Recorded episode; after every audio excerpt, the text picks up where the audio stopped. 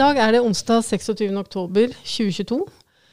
Og vi skal i gang med en ny podkast, denne gang om Festningsartilleriets underoffiserskole på Oscarsborg. Og den som kan mye om det og mye annet, det er eh, Jan Ketil Steine, som sitter med meg her i studio. Og han foretrekker vel egentlig å bli kalt for DG. Så vidt jeg forstår, så står det for den gamle. Han, han er veldig ung til sinns, altså. Og han er en av våre flotte guider. Så nå skal jeg overlate ordet litt til Jan Ketil, og så skal han aller først tenker jeg, få lov å presentere seg. Du har jo bakgrunn fra Forsvaret, DG? Ja, har du ikke det? Jeg er kystartillerist, og jeg har all min, grunn, all min grunnutdannelse uh, på, uh, her på Oscarsborg. På det som da i 1968 het Befalsskolen for kystartilleriet. I to omganger. Nederste avdeling og senere øverste avdeling. Så har jeg tjenestegjort på Utefort. Uh, tre år i Nord-Norge, i Malangen, på Røvergodden fort. Og så sluttet jeg i Forsvaret like etter at jeg ble beordret tilbake som inspeksjonsoffiser på befalsskolen. Og så var jeg ute i det sivile liv, ute av uniformen i 26 år. Og så ble jeg hentet tilbake i 2000 jeg pleier å si for spøk at jeg var aprilsnarren det året, for at jeg eh, startet jobben for daværende kystartilleriinspektør eh, i, eh, i, Oslo, oppe på Huseby, den 1. april 2000. Og skulle bare være inne og gjøre en kort jobb, og så ble jeg der i 13 år. Så jeg ble pensjonert ifra da fra Forsvarsdepartementet i, i, 2003. Så jeg har vært pensjonist nå snart i ti år. Ja, det ser du. Og du har vært guide på Skarsborg nå i noen år også, så du er jo ikke helt ute av Forsvaret, da? Nei da.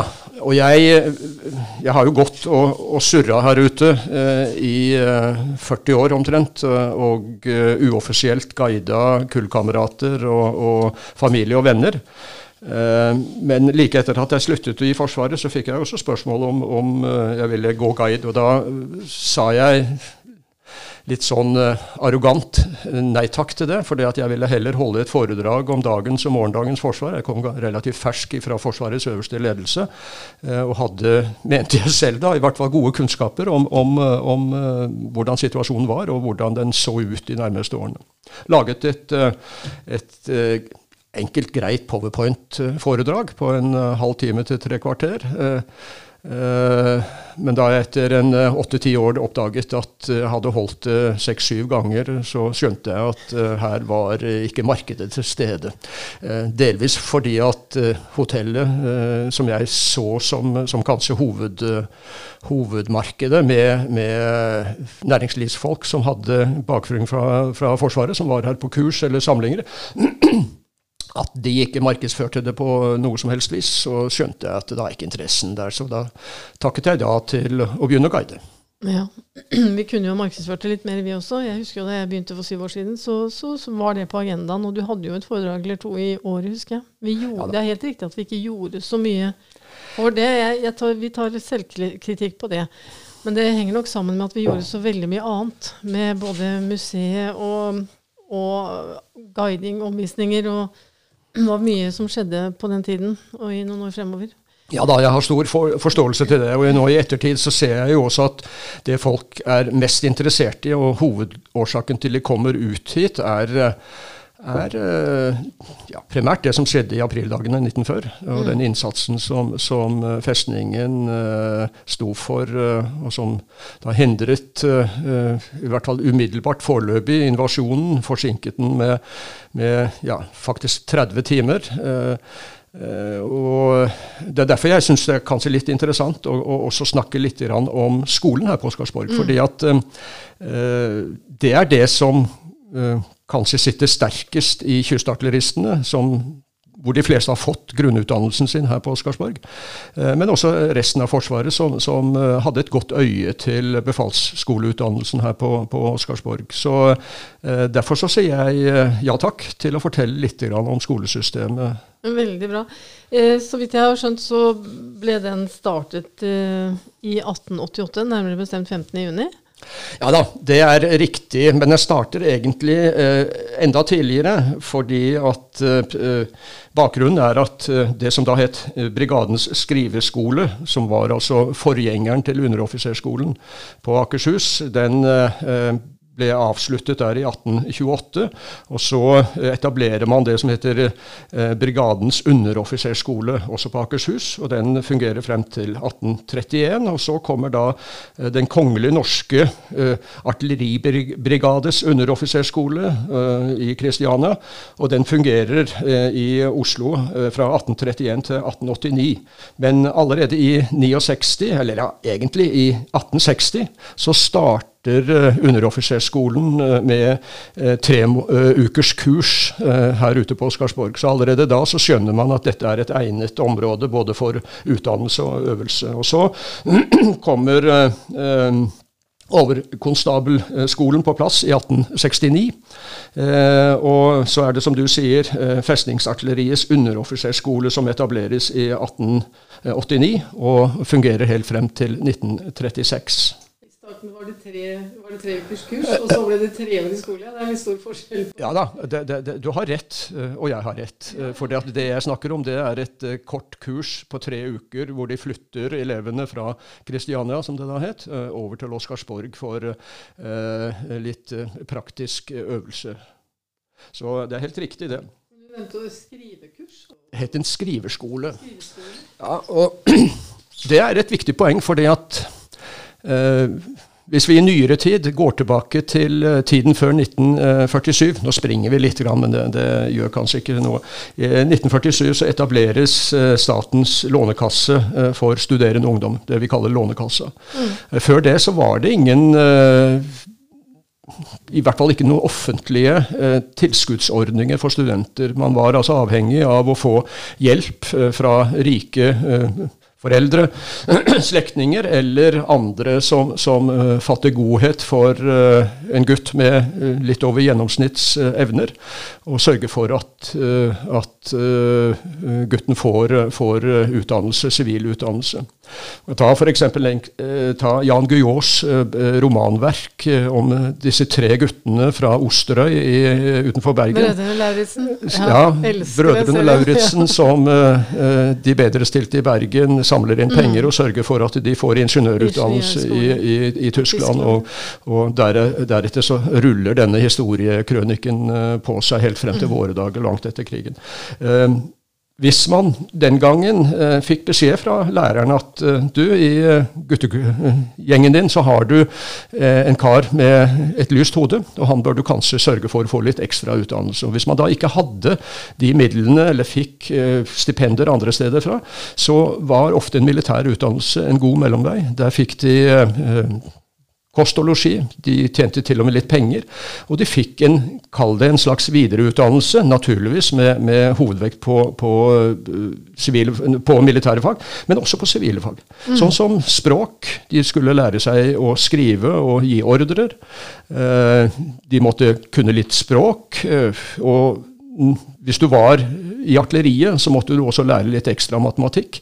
Eh, fordi at eh, matematikk er grunnlaget for veldig mye av, av den jobben som artilleristene gjorde, og, og, egentlig faktisk fortsatt gjør. Selv om i dag så har man eh, de digitale verktøyene til stede. Men uh, du måtte ha uh, over gjennomsnitt uh, med matematikk, og det fikk du der. Fikk språk.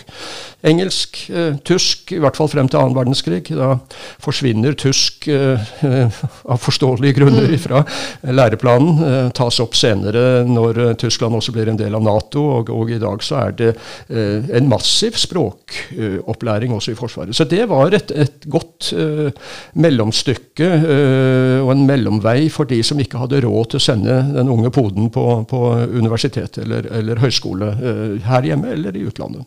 Jeg eh, kan nevne f.eks. at eh, når, eller da, for å si det grammatisk riktig, da den berømte eh, oberst Eriksen eh, fikk sin militære utdannelse, så eh, skyldes det at hans far dør.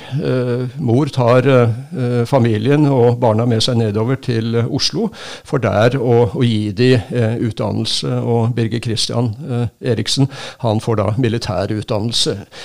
Ikke nødvendigvis fordi at de var ubemidlet, men fordi at det var nok en, en, en grei løsning for denne ene. Ja. Tenk hvor annerledes historien hadde vært hvis ikke hun hadde tenkt i de baner. Men det skal vi kanskje ikke gå inn på nå. Men denne skolen den har jo blitt flyttet frem og tilbake. og Kan ikke du fortelle litt mer om det, og hvor, hvorfor har det vært sånn? Nei, Det høres jo litt dramatisk ut. Eh, og Jeg syns jo ikke at det er fullt så dramatisk. Jeg, eh, når jeg guider, så sier jeg at her har det vært drevet undervisning av, av offiserer i, i, kystartilleriet spesielt. Selv om også noen fra marinen har vært her en gang iblant, på det vi kalte antilopekurs. altså korte Eh, noen uker eh, med nærforsvar. Og sjømilitære korps, som da lå i Horten eh, i sin tid, var her for å få litt ekstra påfyll av instruksjonslære med enkle, enkle øvelser som knytting av slips, knytting av skolisser, puss av sko, overlær og underlær. Altså relativt enkle oppgaver hvor hovedhensikten var rett og slett å gi de trening i å formidle. Ja. Og det er jo den formidlingsopplæringen, treningen og øvelsen som du ser igjen eh, når eh, litt over halvparten av dagens guider er eh, pensjonerte offiserer som har fått det samme grunnlaget, ja. men da eh, innen hovedfagene nærforsvar, luftvern og, og, og sjøfrontartilleri f.eks. Mm. Men det ligger et godt grunnlag der. Nå snakker jeg meg litt bort uh, fra det, men, men uh, frem til 36 uh, så ligger ja, egentlig frem til 1940 så ligger jo underoffiserskolen, eller befalsskolen som det heter i 1940, uh, her på Oscarsborg. Uh, det skyter fart når skolekaserna, eller det som da het Nykaserna, kommer opp. Og gymnastikksalen kommer opp. ferdigstilles altså i 1886, 87, 88. Jeg tenkte bare jeg skulle bare en sånn liten innskudd for de som har vært her. altså Nykaserna ja. det er jo det store, hvite bygget som ligger eh, ved den store plassen. Det er der man pleier å starte omvisningene. Og gymsalen ligger jo da oppe i bakken opp mot uh, hovedfortet. Ja, du, takk, takk ja. Gry. Det er helt riktig. jeg tenkte at det var ikke så selvsagt for andre, kanskje. Ja da, det er klart. Jeg tenker ikke alltid på det. For mye av det jeg sier her, er jo det jeg sier når jeg guider. Uh, og da går du der og, og da går jeg der, og da peker mm. jeg på det. Men jeg kan lage, ta en lite avbrekk uh, der. for det, er, det, er i dette, disse årene uh, hvor underoffiserskolen egentlig skyter fart her på Oscarsborg. De får lokaler, uh, ikke minst gymnastikksal. Jeg husker for noen år siden da Oscarsborg ble nærmest overgitt til sivile aktører, bl.a. hotellet. Så uh, ved en anledning så oppdaget jeg at de brukte ordresalen som diskotek uh, med diskolys og, og diskokule. Jeg ble rasende. Men da må vi jo si at ordresalen er den flotte flotte, flotte salen i selve festningen hvor man har de, de, stiveste middagene, for å kalle det det. Det er helt riktig. Og uh, jeg ble da korrigert av en uh, eldre kollega, som ikke jeg uh, skal nevne navnet på nå, som sa at du, du, du behøver ikke være så sinna, Steine, for det at det har foregått ting her før. Du husker selv at du har vært på ball her og danset i ordresalen. Ja, så jeg måtte medgi det. Og så skal jeg fortelle deg, sier han, at det, før gymnastikksalen kom opp eh, sånn eget, egen bygning eh, midt mellom eh, havnefortet, altså nede ved kaien, og, og hovedfortet, eh, så ble ordresalen brukt som gymnastikksal. Og tilliggende, tilliggende eh, eh, deler av, av, salongene der ble også brukt som gymsal når man hadde trening innendørs før gymsalen kom. Så, så, du må bare roe deg ned, Steine. Denne, denne ordresalen som du er så opptatt av, den har vært brukt til mye rart. Ja, det blir jo nesten komisk å tenke på hvor flotte middager det er der i dag. Jeg ser ikke for meg at folk driver med gym, gymnastikk der, altså. Ja.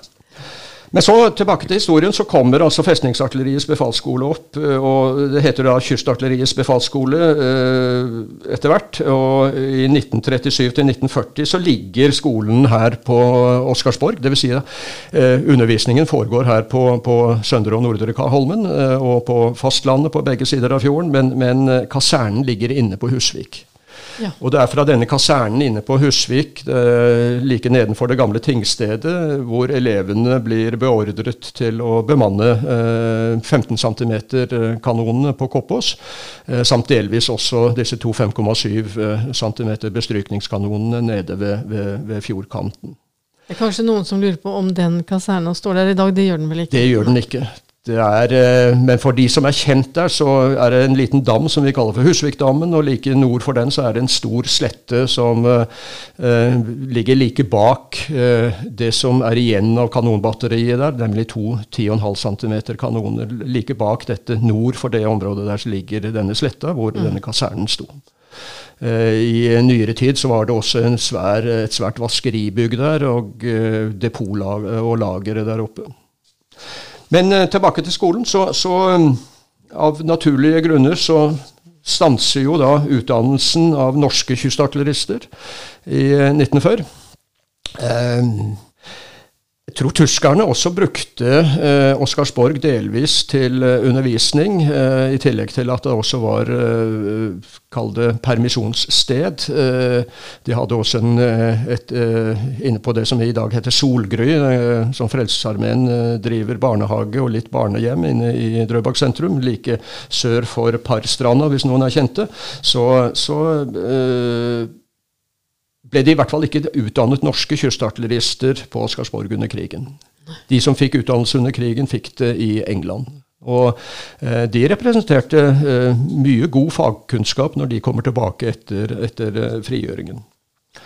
Um, etter krigen så har eh, befalsskolen en mellomperiode. Eh, og det, det, var ikke ment at det skulle være fast, det var en midlertidig plassering på Hellen ved Bergen.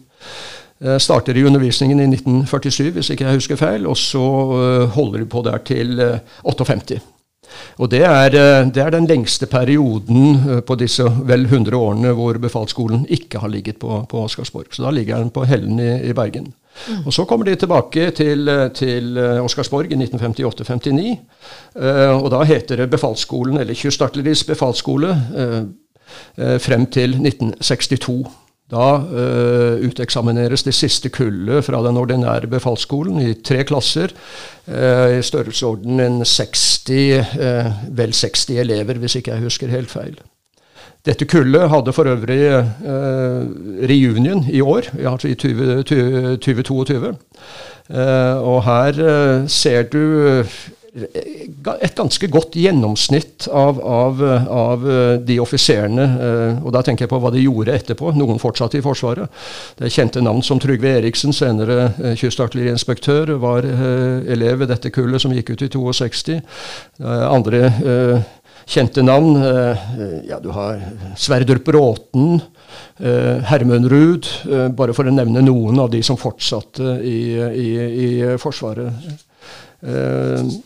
Og så eh, avsluttes det som da er en ettårig eh, befalsskole. Deretter så etableres det eh, Og nå er vi altså en del av Sjøforsvaret. Det vet de fleste kanskje, at vi har hatt en, en varierende tilhørighet eh, til Hæren og til Sjøforsvaret. Men når vi kom til noe 62, så er vi en del av Sjøforsvaret. Og dermed så etableres det som heter Sjøforsvarets kystartilleriskole, eller SKAS, blant, eh, blant uh, oss gutta. Alle disse forkortelsene. Alle disse forkortelsene. Sjøforsvarets kystartilleriskole. Det er et seksmånederskurs, altså en slags mellomløsning. Eh, I Hæren så kalte dere det for korporalkurs. Eh, Dvs. Si at man, går, eh, man er inne til vanlig rekruttskole. og På den tiden så hadde vi to rekruttskoler. En på Husnes i Trøndelag og en på Odderøya i, i Kristiansand. Eh, jeg har selv tjenestegjort på Odderøya, og jeg kjenner det som eller anser vel det for å være en rekruttfabrikk, rett og slett.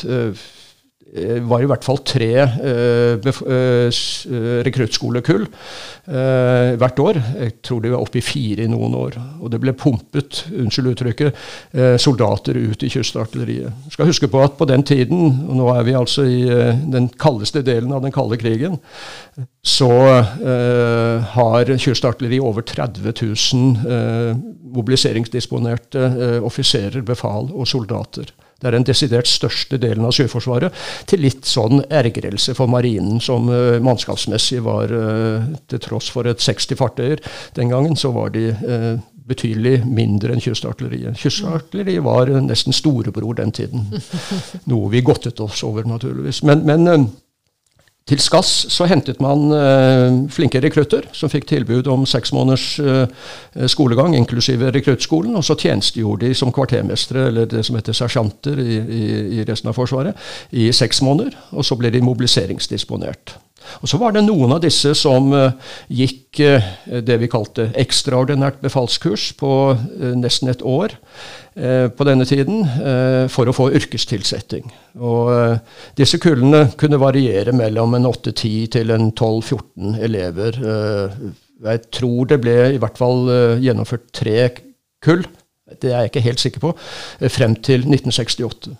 Jeg blir litt nysgjerrig på deg. Hva gjorde du?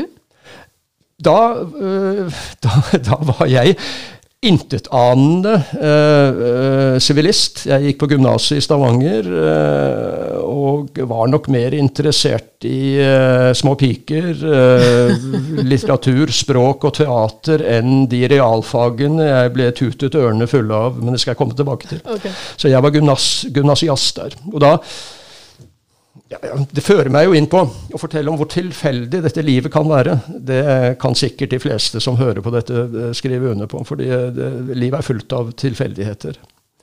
Eh, jeg hadde ingen militær tilknytning i min familie, i hvert fall ikke så jeg visste om. Og jeg pleier å si for spøk at en gang så gikk jeg litt for langsomt forbi et en stand hvor Forsvaret uh, fortalte om undervisnings- og, utdannelsesmulighetene på en sånn yrkesveiledning på gymnaset. Og dermed så var jeg tatt opp ved befalsskolen, pleier jeg å si. Det var, det, var, det var, ikke fullt så enkelt og fullt så, så tilfeldig. Jeg hadde en god venn, eh, og har han fortsatt, som hvis far var kystartillerioffiser. og han Eh, etter at jeg strøyk, eh, for å si det rett ut, i de fleste realfagene som finnes på Artiumskolen, så, så uh, gikk han Og jeg måtte gå om igjen. Så, så uh, gikk han rett inn på, på dette SKAS-kurset og gjennomførte det, og ble kvartermester. Og han anbefalte meg, da han skjønte hvor, uh, hvordan dette lå an, at jeg burde kanskje vurdere det. Jeg tenk, hadde nok tenkt det at jeg kanskje skulle gjøre noe mer ut av militærtjenesten enn akkurat eh, en, en, en vern, vanlig verneplikt. Den gangen så uh, var det vel mer å, å prøve å unngå eh, militærtjenesten enn å, som i dag, uh, prøve å konkurrere seg til en verneplikt. Mm. For det er jo faktum i dag. Mm. Den gangen så tok de alt som hadde hår på, og jeg hadde hår den gangen. det kan jeg, kan jeg fortelle.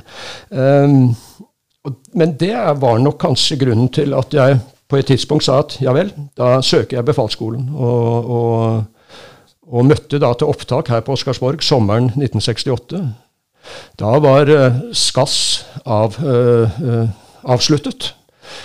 og BSKA, en ny forkortelse, Befalsskolen for kystartilleriet, var reetablert som ettårig befalsskole, på lik linje med befalsskolen f.eks. i Hæren. Husker du første dagen? Ja. Hvordan var den? Den var underlig, fordi at jeg, jeg jeg skulle jo ikke ha hjelp fra noen, dette skulle jeg klare sjøl. Og jeg hadde lest meg frem til at jeg burde ta tog til Oslo, og så burde jeg ta tog til Ås og buss derfra til Drøbak. Og jeg holdt på å komme for sent til opptaket, fordi at uh, den gangen så gikk det jo nesten ikke busser fra Ås til Drøbak, så jeg måtte haike. Uh, og da var det Jeg skulle gjerne snakket med vedkommende som kjørte meg til Drøbak den gang, og takket han for, for, for, hjelpa, men jeg kom meg da til Drøbak og møtte helt fersk, helt sivil På, til opptak på Oscarsborg. Uh, Tråkla meg frem til Sundbrygga og kom meg over med en båt sammen med en gjeng andre som var minst like sivile, med to unntak. Det var to gutter i uniform der. De hadde svarte konstabeluniformer. Og det viste seg at uh, de kunne da fortelle oss at de hadde vært inne uh, et år eller to. De var vervet, og de skulle nå få befalsskoleutdannelse. en av dem var uh, på normal størrelse, og den andre var nesten to meter høy.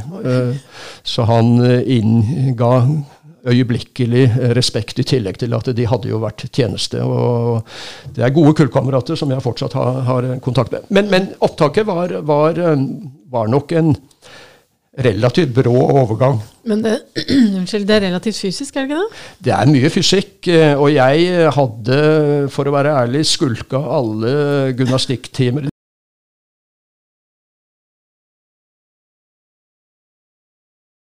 Jeg hadde en god venn som uh, hadde forbindelser med uh, kantinedamene på Grudes herreekviperingsfabrikk like ved uh, Sandsvithun gymnas.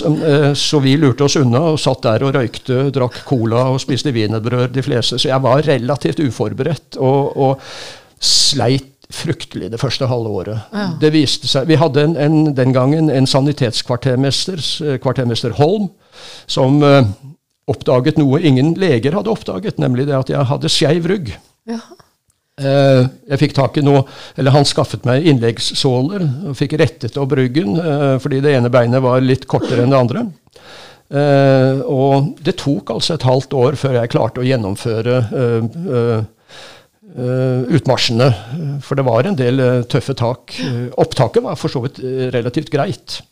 Men hva var det som fikk deg til å ville gå videre, når du egentlig da sleit såpass? Nei, Det var erkjennelsen av en fantastisk uh, utdannelse med fantastiske uh, instruktører av en helt annet kaliber enn mange av de lærerne jeg hadde opplevd på, på gymnaset, som var virka som om de var mer interessert i å komme seg hjem klokka to enn en egentlig å formidle eh, kunnskap og lærdom. Mm. Eh, det var unntak, naturligvis, men, men eh, her opplevde jeg genuin interesse eh, og en voldsomt eh, drive på å formidle kunnskaper. flinke og gode instruktører, ikke minst. Uh, men jeg kan, jeg, kan, fortelle en liten episode til fra, uh, fra, fra opptaket. For jeg tror jeg er den eneste som har lurt seg inn på befalsskolen. Jeg var ikke bare et fysisk vrak da jeg stilte til start. Uh, jeg hadde også briller. Jeg var nærsynt. Og selve opptaket ble avsluttet med intervjuer oppe på skolesjefens kontor i skolekonserna. Der sitter avtroppende skolesjef Asbjørn Bessebakke, som skal slutte den sommeren, og eh, innkommende Paul Holst Røst. Og vi står på rekke og rad nedover trappene, helt ned, og underveis Og vi står alfabetisk. Så kommer det en annen av aspirantene løpende ned til meg. han har vært inne til intervju, og 'Du må bli med meg ut', du må bli med meg ut, sier han på, på utsiden av skolekasernet. Ja, sier jeg, hva er det for noe? Jo, jo, bare bli med. Så var det rundt hjørnet på skolekasernet, og så sier han ta av deg brillene. Ja, så jeg så ser over der på Nordre Kaholmen, over brua der, der er det en lyktestolpe. Ja, Ser du den uten briller? Nei, er du gæren, så jeg ser jo ikke den uten briller. Ja, men ta på deg brillene igjen, da. Og så teller du koblingskoppene på toppen av, av, av stolpen. og, så, og så, Ja vel, sier jeg. Ja, det var tre koblingskopper. Ja, helt riktig. Kommer opp, bunker, banker på døra, uh, melder meg korrekt, for det har jeg lært. Uh, kommandørkapteiner osv. Og, uh, og de ser at jeg har briller. Kan uh, aspiranten ta av brillene og komme bort til vinduet her? Ser aspiranten uh, lysstolpen på andre siden av broen der? Ja da, kommandørkapteinen sier. Hvor mange koblingskopper er det på toppen? Det er tre, kommandørkapteiner sier. Det er bra. Briller på. Og så fortsatte intervjuet. Og så ble jeg tatt opp på, som elev på befalsskolen.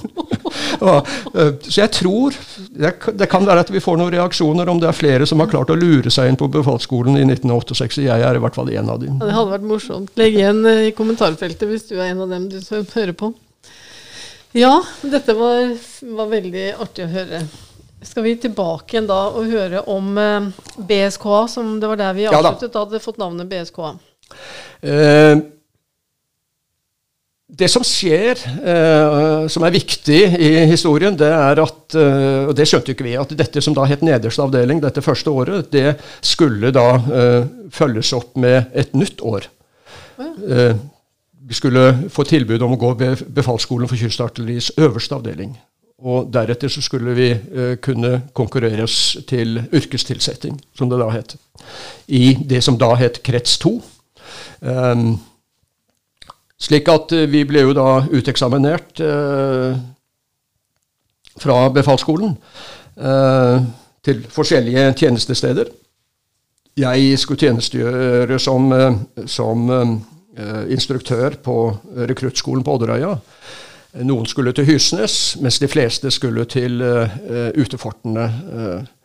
Og de som vant den trekningen, det var faktisk de som havnet på, på, utefortene. For der ble de tatt imot på en helt annen måte enn du gjør når du begynner på en befalsskole eller en rekruttskole.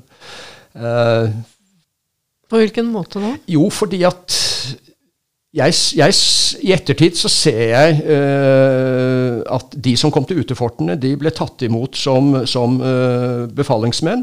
Uh, og så fikk de et helt annet forhold til disiplin. Det skulle naturligvis være disiplin, men ikke kadaverdisiplin. Mm -hmm. Vi var opplært på befalsskolen, og vi var nok en smule kuet underveis. For det var strenge, strenge regler og streng disiplin.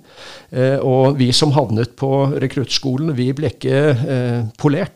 Eh, ikke, det var ingen som brukte sandpapir eh, på oss før det nesten var eh, for seint. Så vi overførte den samme disiplinen til disse stakkars rekruttene, som da ble behandlet på samme måte som vi hadde blitt behandlet. Eh, og det, det tok meg et halvt år før noen sier til meg at nå Jeg hører du har søkt øverste avdeling og eh, har tenkt å bli i dette yrket, og da må du snart begynne å oppføre deg som folk. Du kan ikke springe rundt sånn som du gjør og hyle og skrike. Ja, såpass? Ja da, det var såpass. Og jeg er fortsatt takknemlig takknemlig jeg til uh, uh, løytnant Longva, som den gangen uh, tok tak i meg og sa at uh, i tillegg til sjefen, rekruttskolesjefen der, senere admiral Aam mens de som kom ut på utefartene, de ble ganske raskt polert. Det var en helt annen stemning, en helt annen forhold til disiplinen. Disiplinen var der, men, men det ble ikke hylt og skreket uh, i den grad som, som uh, vi nesten var opplært til å gjøre. Og som vi, mange av oss, ikke alle uh, Noen hadde vett til å ta tak i dette her med en gang. Mens jeg brukte nok et halvt år på det. Ja. Men det, det, var litt tøffe forhold. Altså, dere bodde, eller dere ble forlagt, som det vel heter ja. i Forsvaret, i, i hovedfortet ja. her. Både, og, både under nederste avdeling og øverste avdeling så bodde vi i hovedfortet. Ja, Og det må jo ha vært eh, litt sånn kummerlig? Dårlige senger, ja, husker, Jeg kan ikke huske det som det. Det var ikke kaldt, snarere tvert imot. Uh, den følelsen av å komme inn eh, etter vintertjeneste, enten det hadde vært en stifinner på, på, på Hurumlandet eller en høstlig marsmerkeprøve i indre Østfold, sliten og trøtt å komme inn i hovedfortet i første etasje hvor vi bodde. Uh, den fantastiske varmen har jeg aldri glemt. Jeg. Uh, Men Bodde du der hvor Festningsmuseet er nå? Der hvor Festningsmuseet ja. er i dag. Uh, skal vi se 1905-rommet ja, omtrent. Der hadde vi Og vi bodde vel Vi var vel seks eller åtte mann på rommet den gangen. Og så ble det ren luksus eh, da vi begynte på øverste avdeling, for da bodde vi fortsatt der oppe. og Da tror jeg vi var fire på rommet. Det var fire fenriker, offiserer, på Men samme rom. Det forlegningsrommet som vi har i museet nå, var det sånn? Ganske, ja. ganske nøyaktig sånn som du kan se det i, i, i eh, ja, ja. Køyesenger og skap. Køyesenger og skap. Mm. Ganske Jeg har sett for meg at det har vært uh, ganske kaldt. Ja. Men det Nei. Nei. Så bra. Jeg kan ikke huske at vi frøys annet enn når vi lå i telt ute. Eh, spesielt på Hurumlandet, eh, hvor de eh, ofte klarte å, å, legge øvelsene slik at vi gikk nord-syd. og de som kjenner Hurumlandet, vet at det er endemorene med juv og, og, tversgående revner. nei, det var I hovedfortet? Nei, aldri. Spiste dere i Palmehaven? Det, jeg vet det området der um, utenfor envelopen, der hvor eh, den Adolf-kanonen Nei. Vi spiste Vi hadde uh, spisemesse helt oppe på toppen over ordresalen. Altså opp trappene, ja. uh, vindeltrappene helt opp der. Ja. Helt på toppen der hadde vi spisemesse. Det var skoleelever og uh, stabstroppen. elevene hadde egne avdelinger med, med, egne bord. Og så var statstroppen der, og tidvis også hundeskolen, Forsvarets hundeskole, mm. som da uh, hadde øvingsområde på Seiersten. De var forlagt i samme, samme inne i hovedfortet. Og maten, da? Hva spiste dere? Fantastisk. Eh, eh, vi spiste det vi fikk. Og jeg kan huske, og det har fulgt meg resten av livet I Stavanger så hadde vi eh, eh, en, for å si det mildt, omdiskutert middagsrett som het finka. Det var lungemos. Eh, og jeg syns lungemos var godt, eh, og eh, kunne gafle i meg store mengder med gumle med lungemos øh, på, på Oscarsborg. Og fordelen var at, at øh, en del av medelevene Det var jo den gangen tre klasser. A klassen, B-klassen og C-klassen. A-klassen var eh, tilhørte egentlig Sjøkrigsskolen. Eh, alle hadde artium, eh, og de skulle uteksamineres som fenriker, altså som laveste offisersgrad.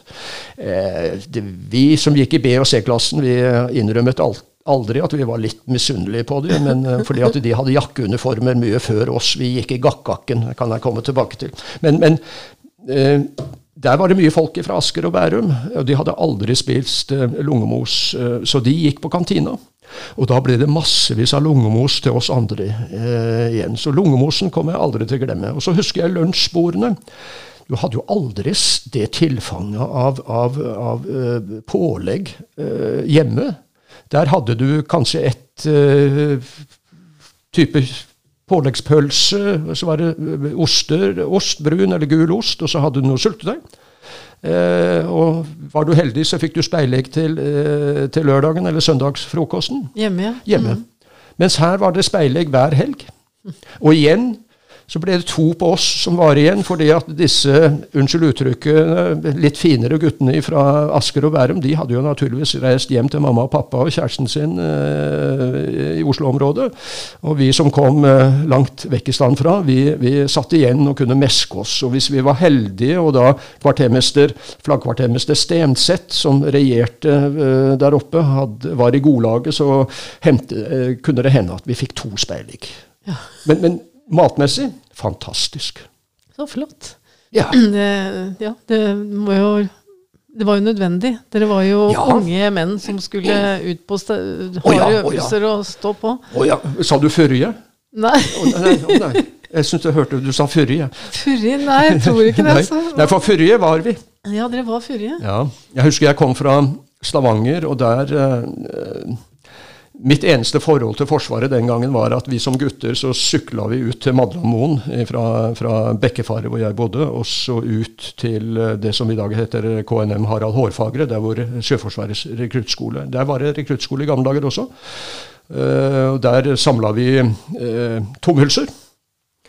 Uh, og der startet jeg egentlig min karriere i gåseøynene som artillerist, fordi at de tomhulsene fulgte vi med, med skrapt av det røde på uh, fyrstikkene. Og så fulgte vi, stappa vi de tomhulsene fulle av sånt uh, rødt. Bare si 'ikke gjør dette hjemme'. Nei, ikke gjør dette hjemme. Uh, og steng øra på unga hvis de hører dette. og så var det til med en spiker inni, og så krympa vi dette her. Og så laga vi små granater av det. og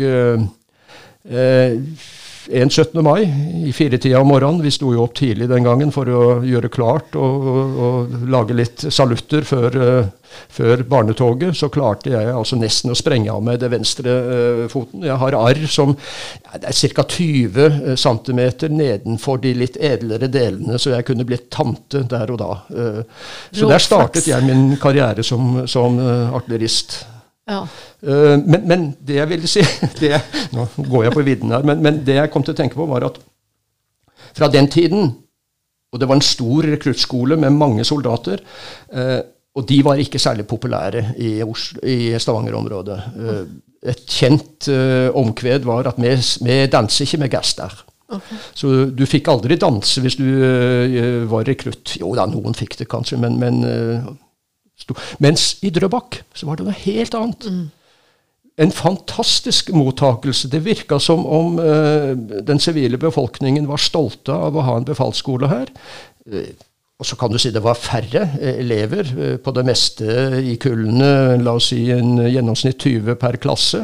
Sånn 60-70 elever. Så det var mindre forhold. Men en fantastisk mottakelse. Og det var aldri snakk om å, at noen uh, takket nei takk, uh, sa nei takk til hvis du engasjerte på, på, på, på Seaside f.eks. Men uh, folk i Drøbak har vel alltid vært veldig stolte av Oscarsborg festning. Ja, og, jeg særlig da etter 9. april 1940, selvfølgelig. Ja da, nei, men jeg tror du har rett i det. Og, og øh, jeg traff jo hun som ble ektefellen min, jeg som en- flere andre. Traff jo øh, Drøbak-jenter, eller kanskje noen av de som jobba på Ilni kåpefabrikk den gangen. Mange av de vestlendinger. øh, øh, men jeg traff jo min Annema på Seaside. Seaside. Eh, og- Hun sa ja da du bød opp. Hva sa? hun, du, hun sa ja da du bød henne opp.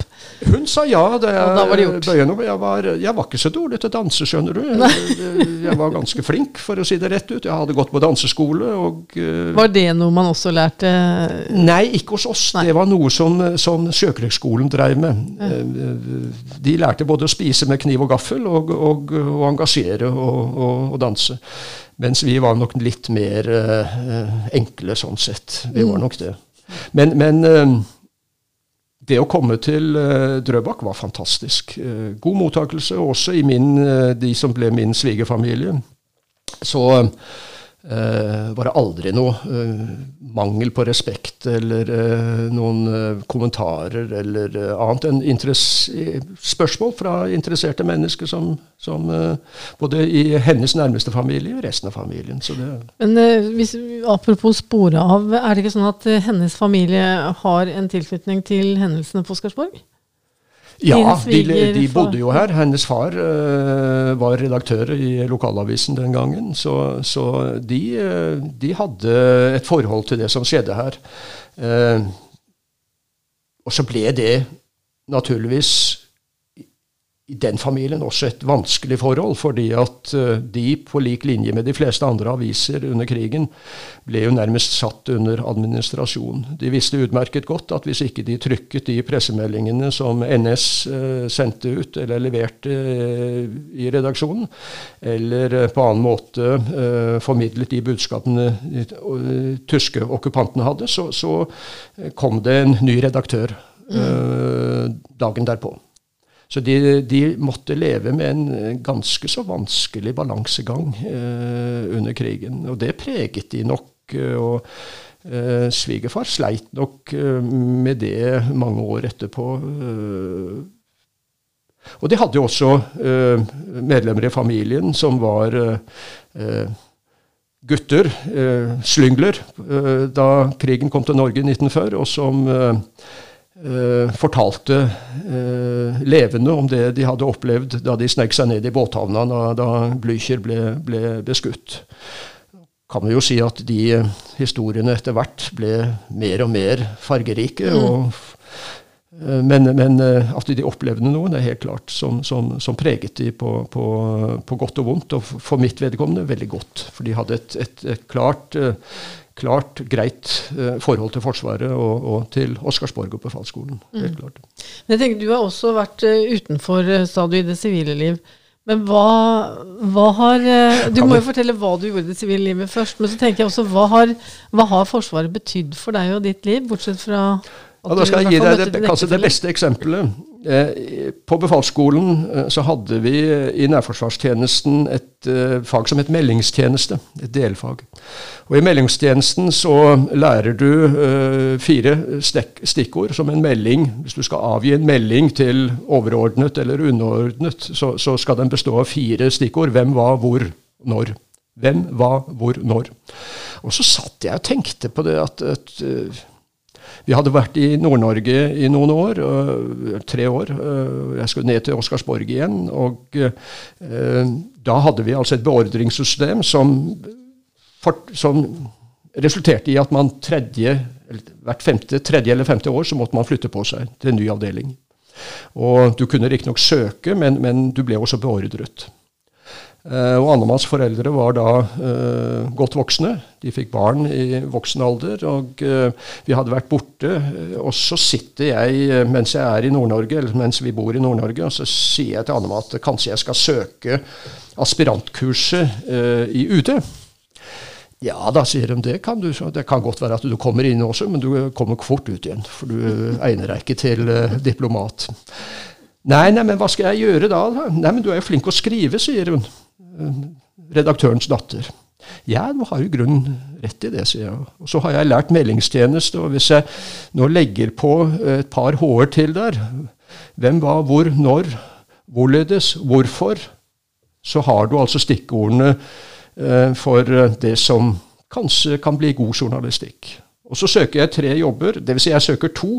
Én i Stavanger Aftenblad via en gammel gymnasekamerat uh, som gir meg en god attest. Men der må jeg begynne inne i Sauda, og da sier Annemann nei. Nå har jeg vært tre år i Nord-Norge. Jeg skal altså ikke sitte i den avkroken i tre år før du får en jobb i hovedredaksjonen. Så den var utelukket. Og så fikk jeg tilbud da de oppdaget i Akershus Amtstidende at jeg var på vei ut. Til en sånn jobb, så fikk jeg øyeblikkelig tilbud der, og da sier Anma ah, ah, nei, mine barn skal ikke vokse opp med en pappa som er redaktør i en liten lokalavis. For det hadde nok hun noen ganger følt var vanskelig. Mm. Da sitter jeg igjen med én jobb, et jobbtilbud. Heimevernsbladet i Forsvarets overkommando i, på Huseby. Ja takk. Ja. Der er det en eh, berømt redaksjonssekretær som heter Bjørn Horntvedt, eh, gift med en husstellærerinne på Seiersten skole i gamle dager. Eh, de har kjørelag, så han og oberst Tveten, ingeniøroffiser, og oberst Berntsen, gammel linjekar, vi danner kjørelag og kjører hver morgen til Huseby. og Der er jeg da i to år og får verdens beste opplæring, både i å skrive være reportasjejournalist og ikke minst fotograf. Norges best utbygde eh, eh, laboratorium for fremkalling, kopiering, gamle Rolleiflexer, byttet ut til Nikoner etter hvert. En fantastisk to års læretid. Og så over i Nasjonen som deskjournalist, vaktsjef og senere nattredaktør. Deretter over i, i PR-bransjen. ble det er kanskje ikke lov å si det høyt, men jeg ble, ble altså headhuntet i fylla i uh, en, en um, badstue borte i Finland på et fabrikkbesøk for Lokkari inneskjermer, av alle ting. Rocha begynner hos meg, sier han. Ja da, sier jeg, det skal jeg sikkert. Og så begynner jeg der. Og i 2000 så hentes jeg da tilbake til, til, til Forsvaret av daværende kystartilleriinspektør, som trenger hjelp på kommunikasjonssiden i forbindelse med den uh, sure jobben det er å legge ned kystartilleriet og etablere Kystjegerkommandoen. Mm. Og der må jeg ha gjort en brukbar jobb, for uh, da detter tilbudene ned. Og da kommer uh, callsignet på plass, den gamle. Okay. Bakgrunnen er Jan Guyots romaner om Hamilton, uh, hvor uh, disse spionene og agentene fra tid til annen får hjelp av en tidligere sjef for den svenske etterretningen som går under callsignet eh, Delta Golf, den gamle. Akkurat. Så det er bakgrunnen for Men eh, jeg syns du hvisket meg i øret en gang at eh, kona di også hadde noen sånne initialer. Var det ØKH? Hun heter ØKH, ja. Og det er øverstkommanderende hjemme. mm. ja. Men tilbake til skrivingen. Så du skriver jo fortsatt. Det er ikke mer enn er det to uker siden du hadde et leserinnlegg. Ja da. Jeg, jeg har, siden jeg sluttet som, som pensjonist, så har jeg, jeg var med og, eller var en del av, av starten på Drøbak golfklubb. Uh, og i begynnelsen så var jeg pressekontakt for de uh, under etableringen. Og så uh, hadde jeg ikke tid i noen år, og nå har jeg de siste fem-seks årene tatt opp den jobben igjen. Så jeg er pressekontakt for, for golfklubben. Og så har jeg litt kontakt med en del av de gamle flaggoffiserene disse som gikk under økenavnet Bakstykkekameratene, som de selv eh, fant ut at det er jo et kjempefint navn, for det er jo det vi er. Uh, så jeg har skrevet en del kronikker. Og uh, den runden som du henviser til nå, er basert på en kronikk som jeg har laget i april. Eller i mars, etter at russerne gikk inn i Ukraina. Da fant jeg det riktig å minne nasjonen om at vi har altså ikke noe dedikert kystforsvar igjen i, i Norge i dag. Jeg nevnte disse 30 000, mer enn 30 000 mobiliseringsdisponerte. Vi hadde fort fra nord for Trom, Tromsø til svenskegrensa. Beredskapsfort med halvtimesberedskap. Ja. Mm. ja, på 60-tallet, under den kaldeste delen av den kalde krigen. Mm.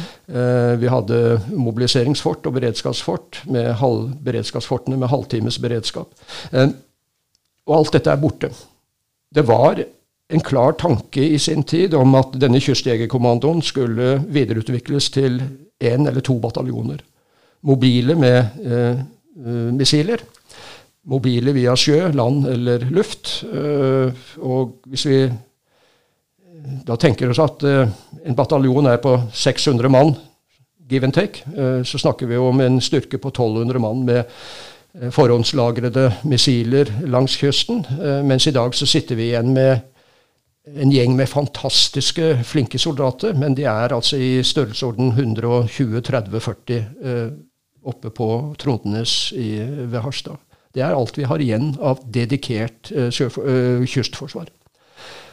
Eh, Sjøheimevernet er lagt ned, og, og, uten at jeg skal, skal pretendere å være ekspert på, på, på oppbygging, så, så kan man jo tenke seg at eh, man gjeninnfører en maritim del av, av Heimevernet. Eh, setter, bygger ut eh, Kystjegerkommandoen og lar de videreutdanne maritime heimevernsstyrker på de, i hvert fall en del av de viktigste innløpene vi har langs kysten. Husk på at Norge har altså en av verdens lengste kystlinjer. Eh, og mens andre bygger opp sitt kystforsvar, enten det er i eh, Polen, eh, Romania, Australia, nå sist US Marines, kjøper såkalte NSM, altså sjømålsmissiler fra Kongsberg her i Norge, så sitter vi nærmest med hendene i fanget når det gjelder dedikert kystforsvar. Og det har jeg skrevet en kronikk. den første ble publisert i Dagbladet i april, eh, i, faktisk 1. april, uten at det var aprilsnarr. I, i år. Og så har jeg revidert den uh, kronikken uh, og lokaltilpasset den og fått den publisert i Stavanger Aftenblad, Tønsberg Blad osv. Nordlys. Mm. Så jeg har ikke gitt meg. Jeg skriver Nei. fortsatt. Det er veldig, veldig bra. Du har jo dette engasjementet i deg. Det merkes jo tydelig. Det er jo veldig aktuelt da i disse dager. Men ser du for deg altså BSKA, eh, Befalsskolen for kystartilleriet, ble jo formelt eh, nedlagt i 2002. Vi sa jo vi kom aldri dit. Eh, ser du for deg da at man på en eller annen måte gjenåpner noe av det gamle, hvis man skulle Nei. Nei. Nei. Uh, hvis, du, vi, hvis, vi, skal snakke om utdannelsen, så har det jo skjedd en, en, en radikal endring der også. Vi kom ferske, som fortalt, rett ifra uh, sivile skoler til, til befalsskolen. Vi brukte et år på å få uh, grunnutdannelsen, eventuelt ett år til på, på, øverste avdeling, som jeg gikk, i, fra 70 til 71. ble etter hvert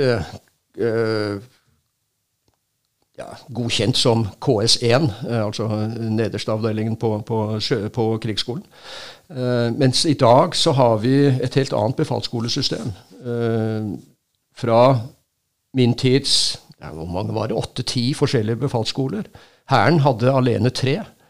Uh, Luftforsvaret hadde sine. vi hadde vår sjø, sjømilitære korps i Horten, og vi hadde be, befalsskolen her. Så har vi i dag én befalsskole igjen. Ja. Uh, ligger på Sessvollmoen. Uh, det er et åtte til tolv måneders kurs. Uh, men der alle, har alle elevene gjennomført militærtjenesten, førstegangstjenesten. Noen av de har opptil to eller tre års tjeneste før de finnes kall verdige til å søke dagens befalsskole. Altså De utdanner jo da nærmest spesialister. Eh, krigsskolene kan ta inn elever, eh, så vidt jeg har skjønt, eh, direkte på et treårig bachelorstudium. Så det er stort sett det samme som det var tidligere. Men vi har Telemarksbataljonen. Hvor kommer det Er det vanlig altså militærtjeneste, egentlig? Ja, det er egentlig vanlig militærtjeneste, men med et stort islett av, av, av verving. Slik at de går vanlig eh, vernepliktstjeneste, og så eh, blir de selektert for eh, verving, rett og slett. Kan bruke som eksempel Kystjegerkommandoen eh, har ingen egen befalsutdannelse. De eh, starter de fleste på eh, rekruttskolen på Madla, går der noen uker, og så eh, får de tilbud om å delta i en selektering, som det heter. Det er nesten den samme selekteringen som jeg har vært med på med, med Marinejegerkommandoen eh, i sin tid. Eh, møter til eh, opptak, sånn som vi gjorde, eh, blir eh, sjekket. Øynene telles og, og godkjennes. Og så er det en opptaksuke i sin tid på Fjøla i Fort, et gammelt kystartillerianlegg nord for, for, for Stavanger. Eh, og der gjennomgår man Der trykkes man ned i søla før man eh, eventuelt vurderes for å hentes opp igjen, eh, for å si det enkelt. Selekteres. Og så gjennomfører man en slags, i hvert fall for Kystjegerkommandoen, en, en, en kall det nærmest til, tilnærmet lik militær førstegangstjeneste. Og så får man med, med, med helt spesielle utdannelsesseksjoner. Uh, og så får man på et tidspunkt uh, tilbud om verving. Og da vermer man seg for en, en, en viss periode. Og Hvis man deretter vil ha befalsutdannelse, så er den normale veien enten til, eh, til Sessvollmoen eh, og et befalskurs på åtte til tolv uker, som, som kvalifiserer for tilsetting som spesialist. Spesialistene har spesielle aldersregler, og det er det kan være spesialister på våpen, håndvåpen, missiler eller, eller uh, infanteritjeneste, eller hva det, hva, hva det måtte være. Mm. Husk på at i vår tid på befalsskolen så fikk vi alt. Det var ingen, ingen linjedeling. Linjedeling på befalsskolen kommer først senere. Hvor du får sjøfront, missil, eh, nærforsvar f.eks. Mm. Eh, mens i vår tid så, så, ble alt dette her, unnskyld uttrykket, sausa sammen. Eh, med egne fag, eh, og du kom ut med all eh, lærdommen inn i tillegg til idrettstjeneste. Eh, det er jo ingen som tror meg når jeg forteller at jeg i tre år på Rødbergodden fungerte som idrettsoffiser. Du, du, er ung og sprek og kommer rett ifra øverste avdeling, sa fortsjefen. Eh, eh, eh, jeg ser av papirene du kan ikke regne, så du tar nærforsvar. Og så du, er du idrettsoffiser. Du tar nærforsvar og ABC-tjeneste og, og, er idrettsoffiser. Og da fikk du ha på briller? For eksempel. ja. Ja, vi eh, skal runde av snart. Jeg tenker bare mm, dette med verving og hvem som kommer inn i Forsvaret. Vi snakket helt innledningsvis litt om dagens situasjon, hvor det også har inntrykk av går mye på karakterer. Det er jo de flinkeste som blir plukket ut, for det er jo, ja det er jo ikke nok plasser. Det er så mange som egentlig vil. Um, dette med personlig egnethet. Altså, du kom jo inn litt sånn Skled inn på siden litt, men det har jo vært en lykke for deg, høres det ut som, i livet. Og det har gått veldig bra. Ja, eh, men unge mennesker i dag som kanskje tenker eh, jeg skal begynne i Forsvaret, jeg skal gå den veien. Hva, er, har du noen gode råd? Jeg tror nok du må forberede deg bedre enn det vi gjorde. Det var ingen som fortalte meg da jeg gikk litt for langsomt forbi dette uh, vervebordet på denne yrkesmessen, at jeg måtte forberede meg. Og hadde noen sagt det, så hadde jeg gitt i fingeren. Og, men, men, men, i dag så må du nok forberede deg. Du må ha gode karakterer. Du selekteres ikke på seksjon på samme måte som vi. Du, selekteres gjennom eh, Internett i første omgang. Og så eh, har du en fysisk eh, fremstilling. Og hvis du uh, allerede når du melder deg på nettet, eller får, får innkalling via nettet, sier at du er interessert i en utdannelse, så blir du lagt, regner jeg med, i en egen haug for å kalle det det. Og da må du altså nesten, hvis ikke du allerede er i god fysisk form, så er det nesten for seint å begynne da. Du må altså være, ha gode karakterer, du må ha god fysikk eh, eh, egnet for den tjenesten du eventuelt eh, søker deg inn i. Du må jo kanskje være litt mentalt sterk òg? Ja, men det er ikke så lett å, å, å finne ut av før du har fått testa det. Ja. Skjønner. Det, og det er noe av det du på godt og vondt erfarer når du er i Forsvaret. Eh, jeg pleier å si når jeg starter guidingen her nede, at jeg har et hat- og kjærlighetsforhold til disse to øynene som går tilbake til 1968, da jeg begynte på befalsskolen. Og, og, og, da ser jeg alltid at hvis det er noen som har militær bakgrunn, så nikker de og skjønner de hva jeg sier. Og hvis ikke de nikker, så må jeg fortelle dem at, at denne utdannelsen er ikke bare solskinnsdager. Det er, eh, det er, noen grå dager og noen helsvarte dager som gjør at du, eh, du uh, lurer fælt på hvor du var da du takket ja til skolen. Men, men du lærer deg, uh, på godt og vondt, uh, mental styrke. Og så vet vi av erfaring at alle avhengig av hva de opplever i tjenesten sin, innenlands eller utenlands, de, de makter ikke dette. Så, så, det er ingen supermennesker i, i, i Forsvaret. Eh, og jeg har selv mange, jeg har ikke utenlandstjeneste, og jeg har mange ganger lurt på eh, hvordan hadde jeg eh, reagert hvis jeg hadde opplevd det samme som noen av mine kullkamerater har opplevd, eller eh, kollegaer, eh, spesielt de yngre. Mm. Og særlig de som har vært både på Balkan og i, i, eh, i Afghanistan. Uh, men det får jeg aldri svar på. Men, men, at jeg har lært noe, både når det gjelder ledelse, når det gjelder, uh, gjelder uh, ja, psykisk uh, Hva skal du kalle det? Styrke? Jeg vet ikke om det er styrke. Så har jeg i hvert fall lært noe. og selv om jeg ikke har fått prøvd det på den ytterste, mest ekstreme måten. Så jeg er hellig overbevist om det. Da jeg ble ansatt i, i, i eh, Nasjonen, først på desk, men der var det også en klar uh, karrieregang som ikke jeg visste om. Der var det en nyhetsredaktør som hadde befalt skolen for Hæren. Og han var på jakt etter en sånn uh, luring som meg, som hadde litt ledererfaring og litt formidlingserfaring, for det mangla han i redaksjonen vassevis av flotte, flinke journalister.